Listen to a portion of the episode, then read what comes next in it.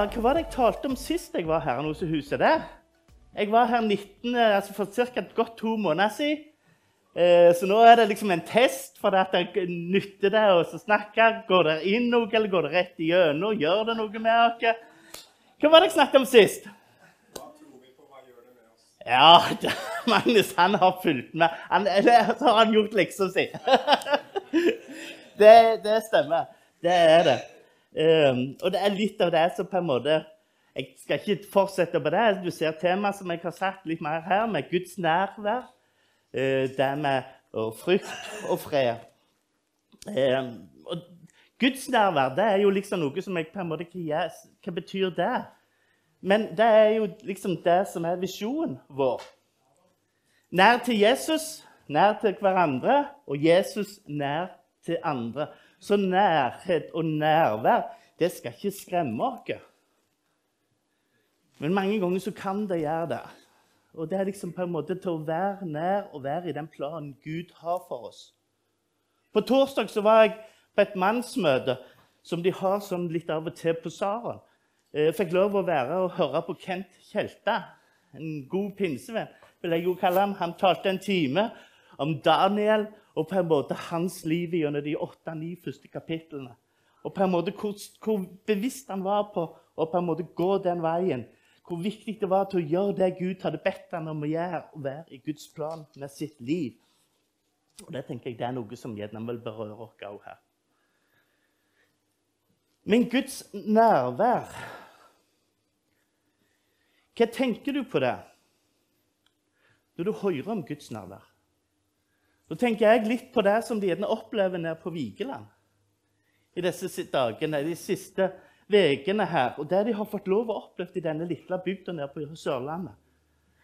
Et bedehus som på en måte, de pleier å samle 10-15 stykker normalt. Eh, og på en måte lurt på skal vi legge ned, eller hva skal vi gjøre. Og så har de på en måte i det siste fylt hele bedehuset. 300 stykker liksom var der. Som bare søker inn til Guds nærhet. Og de opplever at Gud er på denne stedet. De sprenger altså hele bedehuset, så de må gå til nabomenigheten Betania, de frie venner i Vigeland, og spørre kan vi få låne deres hus. Så var der sist helg med 500 stykk som bare kommer der og søker Guds nærhet. Dette er en, en, en, en radikal forkynnelse. Det er ikke liksom snakk med, med, med fullt av dippedutter på en måte sånn det ser flott og fint ut. Det er en radikal forkynnelse om Guds ord, om omvendelse og det som på en måte er. De bruker gode, gamle sanger. Det er ikke snakk om at det er liksom noe hiphop, og sånn som det, men, men det er Guds nærvær gjennom Guds ord og gjennom Bibel og bønn. Og jeg tenker bare med meg sjøl Herre, la det være noe vi får oppleve, Herre. Kom med ditt nærvær. Send ditt nærvær over oss her vi er på samme måte som de opplevde på Vigeland. Som de har opplevd på denne skolen i Amerika for en måned og to siden. Som de opplevde i Asusa Street for over 100 år siden.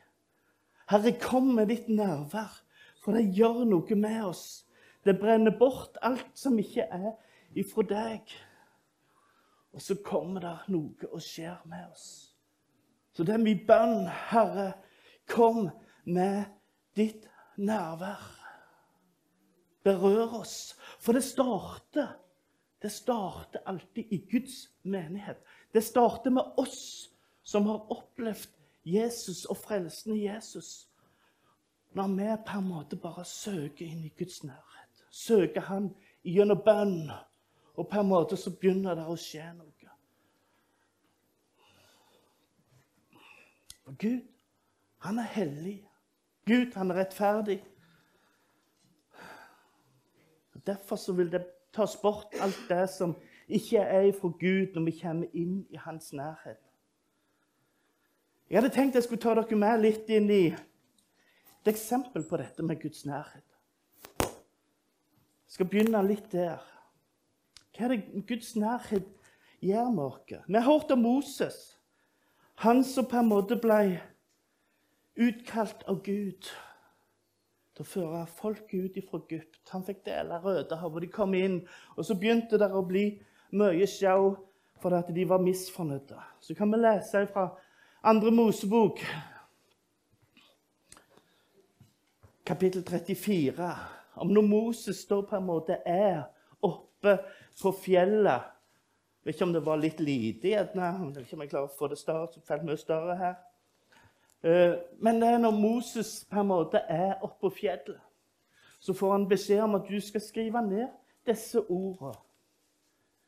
For etter disse ord har jeg gjort en pakt med deg og med Israel.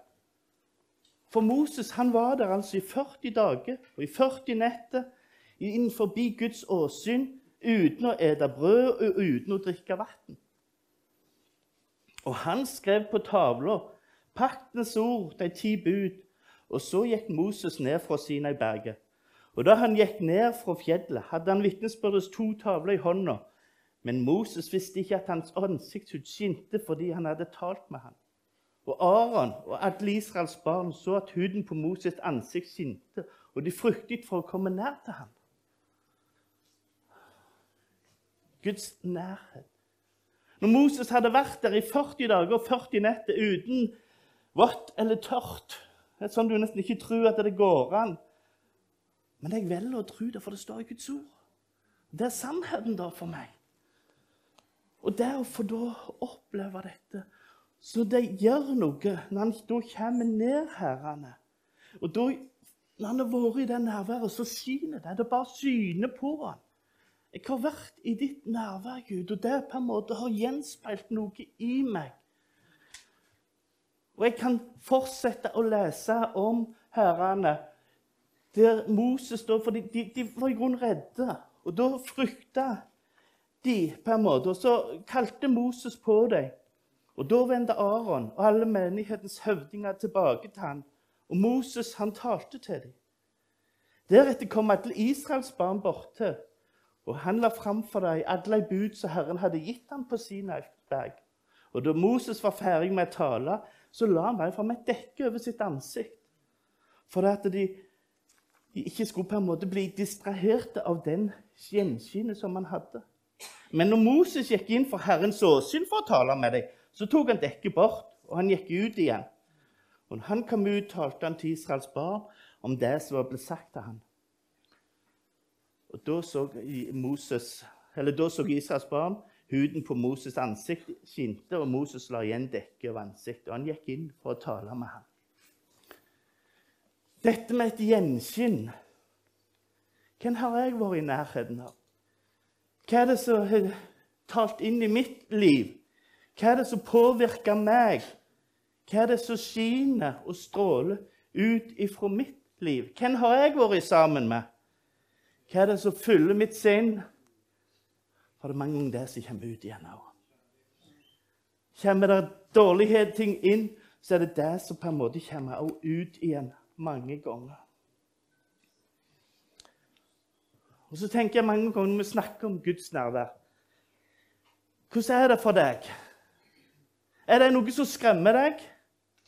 Eller syns du det er spennende å komme inn i Guds nærhet? vet ikke hvordan det er med deg.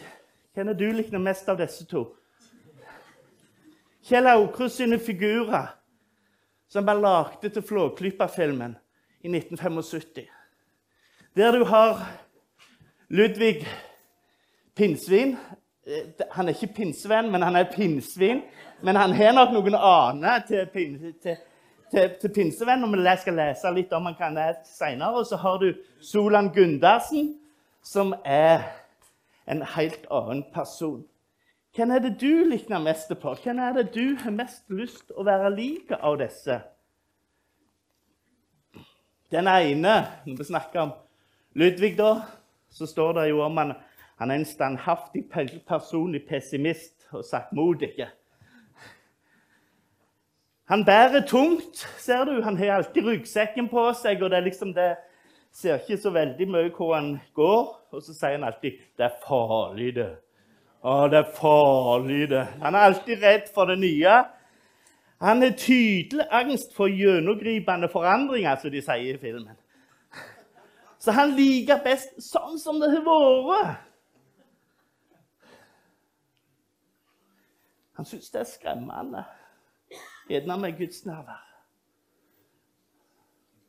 Mens han her Solan Gundersen, han som steiler med sykkelen sin, herrene, han er jo en ukuelig optimist, vil jeg jo bare si.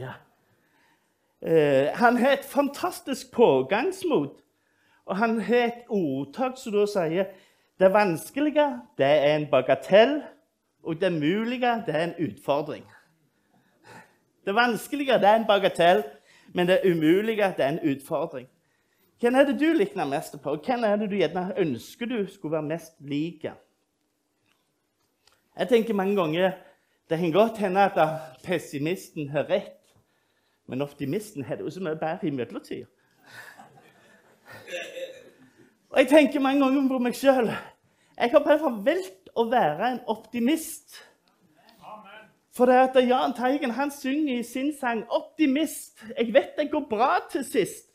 Og jeg som en kristen jeg vet iallfall at det går bra til sist. Jeg skal til himmelen, jeg. Ja, jeg vet hvor jeg skal hen. Jeg vet at dette er noe som jeg er på vei til. Men hva er det som preger oss? Er det frykt, eller er det fred? For det er jo gjerne det du kan si om pessimisten. Han har veldig mye frykt. Optimisten han ser ikke så tungt på livet, så han har en annen type fred. Men hva sier Guds ord om dette? her? Jeg skal ta med et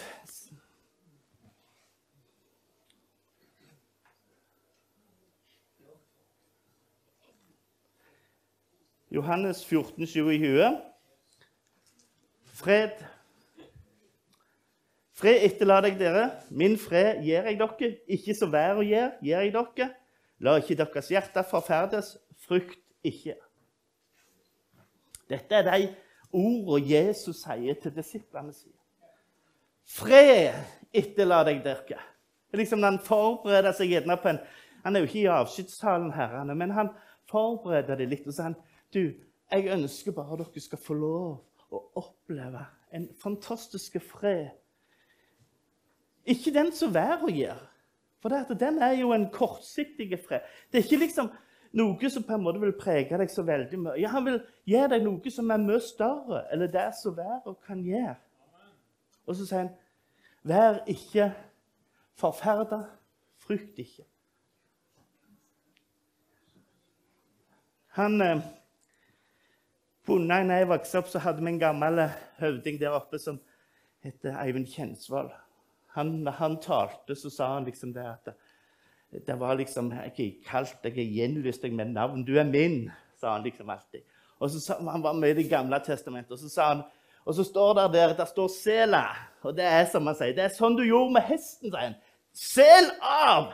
Legg av alt det som tynger. Og på en måte få lov å være Kjenne på det at det ikke, du skal ikke gå og bære på det tunge. Sel av! Legg det ifra deg. Bær ikke på ryggsekken, som vi så at Ludvig holdt på med. Men ta og legg av alt dette. Jeg skal ta et vers til. Nå må jeg bare se meg sånn. Fra filippenserne, der Paulus skriver og Nå er vi i Filippenserne fire, men vi er ikke på det fjerde verset, som er det, det som mange kjenner mest til, som er med glede og alt dette her. Men nå har vi kommet til det sjette verset der Paulus sier til filippenserne Vær ikke bekymra for noe. Vær ikke bekymra for noe. Men la i alle ting deres bønneemne komme fram for Gud i påkallelse og bønn med takk. Og så skal du oppleve og Guds fred. Å, Guds fred, så overgår all vår forstand den skal bevare deres hjerte, deres tanker, i Kristus Jesus. Vær ikke bekymra. Kom fram til Gud med det som på en måte tynger deg, det som på en måte frykt, du frykter på, det som på en måte bare ligger der.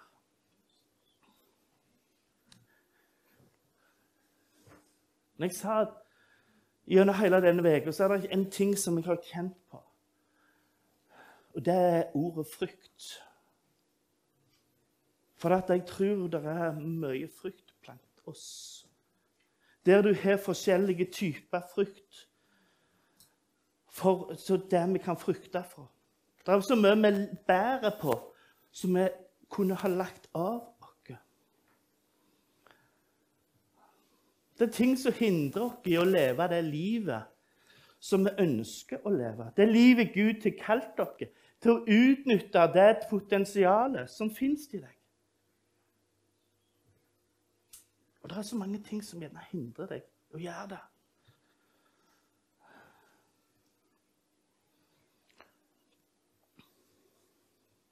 Det kan hende det er menneskefrykt. Det kan hende du ikke hadde syntes det hadde vært så kjekt å være en av oss sju som sto ut forbi handelslaget i går. Jeg stortrives med det. Jeg syns det er så kjekt å få lov å drøse med folk. Få lov å være der og bare på en måte ønske deg Guds velsignelse. Men så vet vi her, som du leser om fra Romane 12, vers 4, om at vi er forskjellige legemer. Og vi syv, sju som sto der, vi hadde aldri klart dere uten de fire som satt her i kjedleren og ba for oss og løfta oss opp i bønn. Så vi har forskjellige oppgaver i menigheten. Det er noen som syns det er greit å stå framme, mens det er noen som syns det er greit å sitte helt på bakerste benk. Vi er forskjellige. Det er noen som syns det er greit, og måte, og det er de som jeg sier, det er de som er bærerne. Det er de som på en måte vi ikke ser. Det er ikke oss som du ser oppe på en talerstol en, i fronten på plattformen men det er de som på en måte bærer og løfter Guds menighet. Så er det de som har disse praktiske. Sånn som jeg vet at det var en del av dere som var her i går òg gjorde. Da gjorde dere det fint og ryddig ut forbi her. For det er noen av disse folka som har disse oppgavene. Du tenker gjerne at Oi, det så litt uryddig ut. Og så Neste gang du kommer, så opplever du at ja, men der er noen andre også hadde tenkt, men nå har de fiksa det. For de har noe som har disse her tjenerne sine, som bare er så fantastisk. Og bare gjør ting uten å snakke om det. Og Det er så fantastisk å få lov å treffe disse typer mennesker. For det at de har noe med seg. Derfor skal vi være klar over det, at vi er forskjellige. Det er ikke så lett for deg å be høyt. Det er ikke så lett for å gjøre noe sånne ting. Jeg husker sjøl første gang jeg ba høyt. Jeg var 14-15 år. Jeg husker hva hus jeg var i. Jeg husker hva sto, hvordan stolen så ut, hvordan det så ut med der jeg satt inni, dette, inni denne stua. Og når jeg da hører stemmen min sjøl, så hadde jeg så bare lyst til å håpe det skulle vært et hull så jeg kunne gjemt meg i. For at når jeg hadde sagt, gjerne åpna meg, kjære Gud, eller hva jeg hadde sagt, så håpte jeg at Å, hvorfor sa jeg det? Men det handler litt av og til om å trene oss men vi har forskjellige gaver, og det skal vi respektere. Og det er kjempeviktig. Derfor må vi respektere de som har den typen menneskefrykt som gjerne bare måte er. Det kan hende du har en frykt for å bli avslørt. For at ditt indre liv stemmer gjerne ikke med det ytre livet ditt. Og du tenker på hva vil det bety? hvis folk visste hvordan jeg var? Hva ville det gjort med dem? Ville de fremdeles snakket med meg? Ville de fremdeles vært mine venner? Jeg tror mange ganger det vi skal være klar over, det er at det er forskjell på lys og mørke. Og det å få lov å ta fram det som er i mørket, inn i lyset, så mister det hele sin makt. For dette makten som djevelen har, det er mange ganger om ting som foregår i det skjulte, inn i det mørke. Men når det får komme inn og ut i Guds lys, så mister det hele sin kraft. For lysets makt, det vinner over mørket.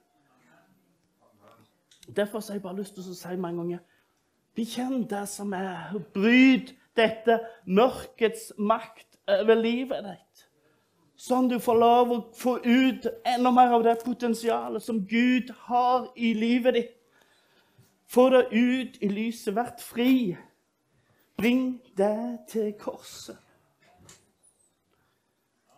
Jeg skal ta med et vers til her.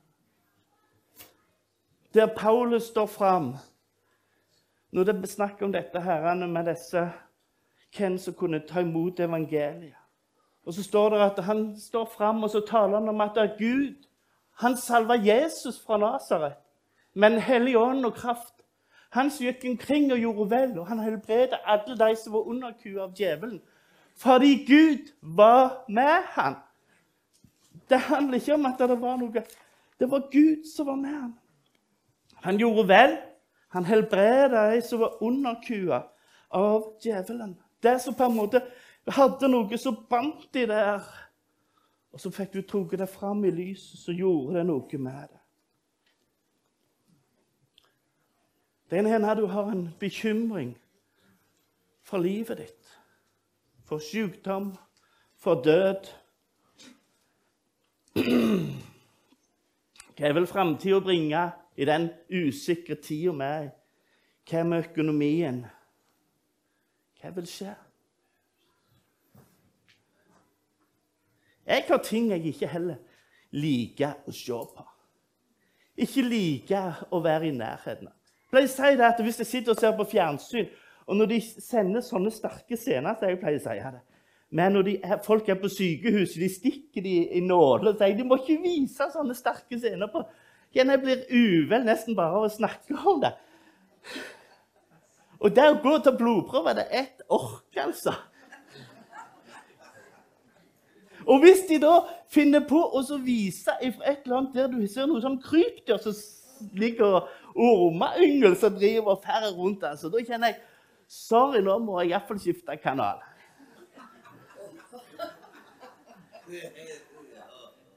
De kan jo bare spurt Kenneth om det når vi var i Australia og de prøvde å tøyse med meg. De gikk langt bak. Så heiv de en stein på den stien vi gikk, sånn rett inn i buskene, og jeg skvatt. De gjorde det én gang. De gjorde det aldri mer, tror jeg. Det er liksom ikke noe som jeg trives i, å være i den settingen der. Men hva gjør det med deg? Det gjør at jo, det gjør at jeg på en måte ikke får oppleve Guds natur på den gode måten som det er. For hvis jeg skal ut og gå tur, da går jeg på veier, sykkelstier eller turstier som er breie og gode. For jeg syns det er så ubehagelig å se på disse dyra. Men jeg har jo tenkt, når jeg nå gjør noe med dette, så jeg har jo tenkt nå må jeg kjøpe noen sånn skikkelig fjellstøvler eller fjellsko. eller noe sånt, Og de skal gå godt opp på føttene. eller sånn at Du kan sikkert bli beden for det, så ikke det, men jeg tenker at nå må du tørre å gjøre noe med den der du ikke liker. For det at jeg syns det er så dumt å ikke få lov å oppleve det å gå ut i Guds frie natur. Å få lov å bevege deg og gå opp til de toppene og få dette utsiktene. På en måte. Hvorfor snakker du om sånne ting? Jo, fordi jeg sa sist at vi skal snakke ærlig om livet vårt. Og Jeg skal snakke ærlig om dette. Jeg skal ta to historier til til dere. Den ene er i mai 2004. Meg og kona er i Paris. Eneste gang vi har vært i Frankrike, da, forresten. Men vi er i Paris og skal kjenne at her har vi lyst til å gå opp i Paris, eh, i Eiffeltårnet for å få den fantastiske utsikten over der. Vi går og kjøper billetter, skal gå opp, og der er det jo Først tar du en heis opp i et av disse fire føttene der, og så kommer du opp til en platå oppå der før heisen går videre rett opp. Når jeg kommer ut av dette platået etter å ha tatt den heisen opp de fire, så svikter hele føttene mine. Jeg klarer ikke å gå. Jeg var jo sliten før jeg kom der. Men jeg var jo ikke sånn sliten. Men jeg, jeg kjente bare på det. Hva som skjer, Gud? Hva er dette for noe? Jeg har jo aldri hatt problemer med hødda. På 80-tallet begynnelsen av 80-tallet så var jeg med og malte et hus inne i Stavanger. Vi sto på en lift 18 meter opp. Det var sånn en liten lift med bare sånn kjøretøy. Det var ikke noen sikringer ut. Og vi sto på toppen på kanten av denne mens vi malte 18 meter opp der. Når jeg kjørte den, så dro jeg litt hardt i spakene, så jeg fikk ikke lov å kjøre den etterpå, for vi sto og dingla att og fram der. Jeg hadde liksom aldri hatt problem med hødda sånn som det. Men jeg opplevde Her kom jeg ut, og så på en måte svikta det. Altså, jeg tålte mest, jeg klarte ikke mest å gå ut i kanten. Jeg hadde så lyst til å ta siste heisen opp. For jeg hadde så lyst til å være på toppen der og sitte den fantastiske utsikten. Men jeg torde ikke, for jeg var helt moira i føttene. De bar meg nesten ikke der jeg sto. Så jeg kan ærlig innrømme at jeg sendte Ruth Eli opp, og jeg grein mine tårer mens jeg sto der mens hun tok heisen opp. For det gjorde meg vanvittig vondt. Hva som gjorde at det bandt meg så, det tør jeg ikke si. Men det er sånne ting du av og til opplever, det er ting som binder oss. Jeg kan kjenne det ennå av og til når jeg står i stia. Hvis jeg går for høyt opp i den, så kjenner jeg det at det blir møyre i føttene. Så jeg er litt forsiktig med å gjøre det. Men jeg skal fortelle en annen historie til dere. Som gjerne ikke handler så mye om frykten, men handler mer om freden. Høsten 2016 så skifta jeg fastlege. Da hadde jeg hatt min fastlege siden jeg var 15 år, tror jeg. 14-15 år. Men nå var han pensjonist. Så da fikk jeg en ny lege og var til kontroll på litt diverse sånne ting. Og hun sier, den sier til meg da at «Ah, han der ser du tok PSA noen gang. Nei, sier jeg, hva er for noe? Ja, det er sånn for å sjekke prostataen din. Hvordan ser den ut? Så Nei, det har jeg ikke. Så hun tar den. Så får jeg beskjed etterpå. Jo, du hadde lett for høy verdi. Det betyr altså at du var litt over faregrensen for at du kunne ha utvikla prostatakreft. Og hva gjør det med deg når du får sånn en beskjed? Blir du en frykt? Eller kjenner du på Guds fred som overgår all vår forstand? Og jeg kjenner på en fantastisk fred. I 2017 så var jeg inne og tok en vevsprøve, en biopsi. Så det heter Og det er ikke behagelig for de som har opplevd det. Eh, det men det måtte jeg gjøre. Og når jeg da fikk svaret på den prøven, så sa de vi var litt uheldige. Vi trefte en plass der det var litt kreft, sier de. Og så tenkte jeg med meg selv Hallo, uheldige? Ja, da hadde jeg fått påvist kreft, men det er jo greit nok, det.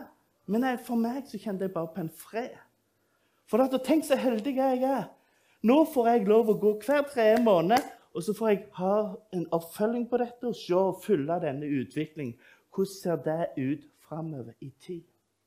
Må jeg operere? Går det fem år? Går det ti år? Går det tre måneder, eller hva det er? Jeg har opplevd mange andre mannfolk som har tatt disse prøvene. Og så plutselig er de så høye at de må inn og hasteoperere i løpet av ei og to uker. Og Derfor så vil jeg jo oppfordre alle dere mannfolk som er her. Godt i 50, Når du nærmer deg 50, så må du bare neste gang du er ikke legen, si du, jeg må ha en PSA-prøve. For å så se og følge den utviklingen. Jeg, eh, når jeg kom til i, i november-desember i 20, så sa de at du, Anders, nå har disse verdiene steget såpass høyt at nå må vi gjøre noe med det. Nå bør vi operere deg eller gjøre noe med deg. Så da var det snakk skal du stråle, skal du ha uh, cellegift, skal du operere, eller jeg tror det var noe med at de skulle ha en ny måte også jeg kom inn på, men jeg kom ikke gjennom på den. Da gikk det litt att og fram, for det at de ville jo sende meg til Oslo, og så ville de sende meg tilbake til Stavanger, og så ville de til Oslo igjen. For det at, uh, Hvis du ser på kroppen min, så var jeg litt for tunge til at de ville ha meg i Stavanger. Så Derfor så endte jeg på Radiohospitalet inne i Oslo. Det var de som på en måte skulle operere meg. Og Dette var da jo midt i koronatida i 20. Jeg kjente liksom dette er ikke så kjekt å reise med fly inn til Oslo og være der midt i koronatida. Så jeg sa at, Og de sier dette er ikke noe haste om. Dette skjer om en måned, om et halvt år. at det er helt i orden. Så jeg sa jeg vil først ha litt vaksine før jeg reiser inn, sa jeg. Og det gjorde at jeg da, når jeg kom til, til i juni 2020, så var jeg inne og ble operert. Fikk prøve en ny eh, preikestol. kan du godt si. Der jeg fikk lov å, å bli operert. Jeg hadde med meg Ruth Eli der inn.